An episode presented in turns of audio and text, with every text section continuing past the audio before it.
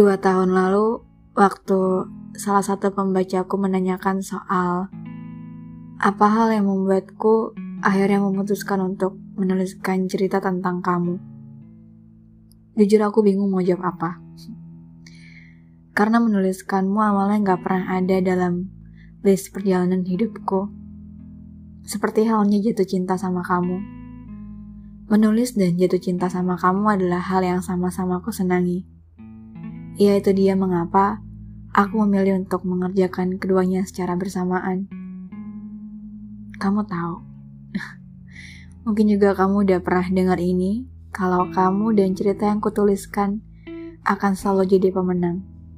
Mau sebanyak apa pun cerita yang kutulis, mau sempurna apa pun tokoh utama lain yang kuciptakan, kamu tidak tergantikan. Aneh banget sekarang aku bisa ngomong kayak gini tanpa berhadapan langsung. Iya, jarak yang awalnya aku kira tidak akan pernah menjadi penghalang untuk dua pasang manusia, mendadak jadi hal yang sangat kutakuti, juga aku hindari. Sekarang, aku nggak bisa lagi menanyakan kamu pulang naik apa hari ini. Mungkin naik bus Transjakarta, atau terpaksa naik metro mini yang sering membuatmu sesak itu. Biasanya, dulu kamu sering cerita, kalau selalu ada aja mas-mas yang suka memalak orang-orang dalam metro mini. Atau mungkin ibu-ibu yang suka memaksa untuk minta tempat duduk. Pokoknya alasannya beragam. Dan itu dia, kenapa aku selalu suka dengerin cerita kamu. Seperti seribu tahun pun gak akan pernah habis diksimu untukku. Dan sekarang, bisa aku cuma melihat pemberitahuan online di status WhatsAppmu. Bahkan hal paling menyedihkannya adalah mendadak foto profile yang tadinya berisi seseorang yang sedang membelakang kamera mendadak hilang. Semuanya gelap. Tugasku sekarang adalah menulis cerita baru, yang tentu tanpa ada kamu lagi di dalamnya. Aneh. Aneh banget rasanya ketika aku merasa hampa sekarang ketika melakukan sesuatu yang awalnya buat aku seneng. Oh iya, mungkin juga kamu tahu bahwa beberapa waktu belakangan ini aku lagi suka banget nonton drama Korea. Terus dulu biasanya kamu suka ngeledekin gitu. Buat apa pula ngabisin waktu untuk hal yang gak guna.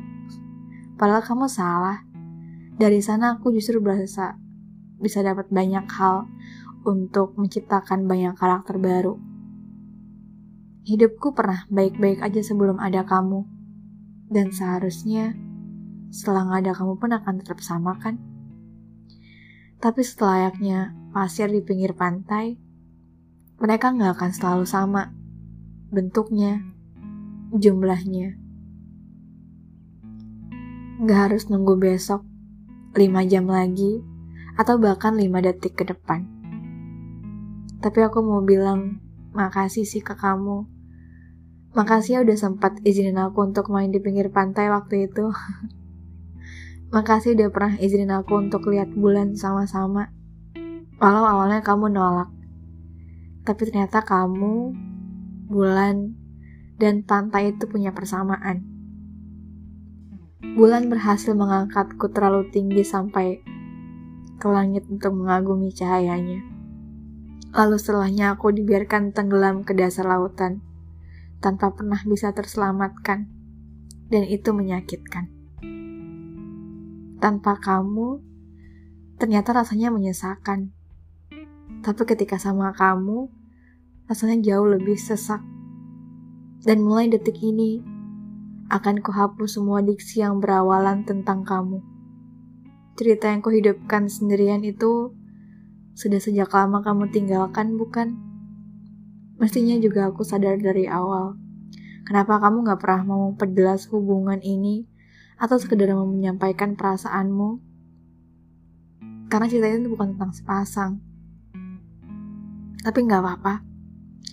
Aku tetap merasa senang karena sama kamu, aku bisa merasakan banyak perasaan pertama dalam hidupku. Senang rasanya saat tahu kalau kabar kamu baik setelah terakhir kali pertemuan kita setahun lalu. Kamu tahu, bentuk bahagiaku sekarang cukup sederhana. Dengan tahu kamu hidup dengan baik, itu cukup. Dengan tahu bahwa semesta masih melakukan tugasnya untuk jagain kamu, itu lebih dari cukup. Karena sekarang aku pun baik, sangat baik. Rasanya lega, walaupun bentuk perasaan lega itu bukan senang.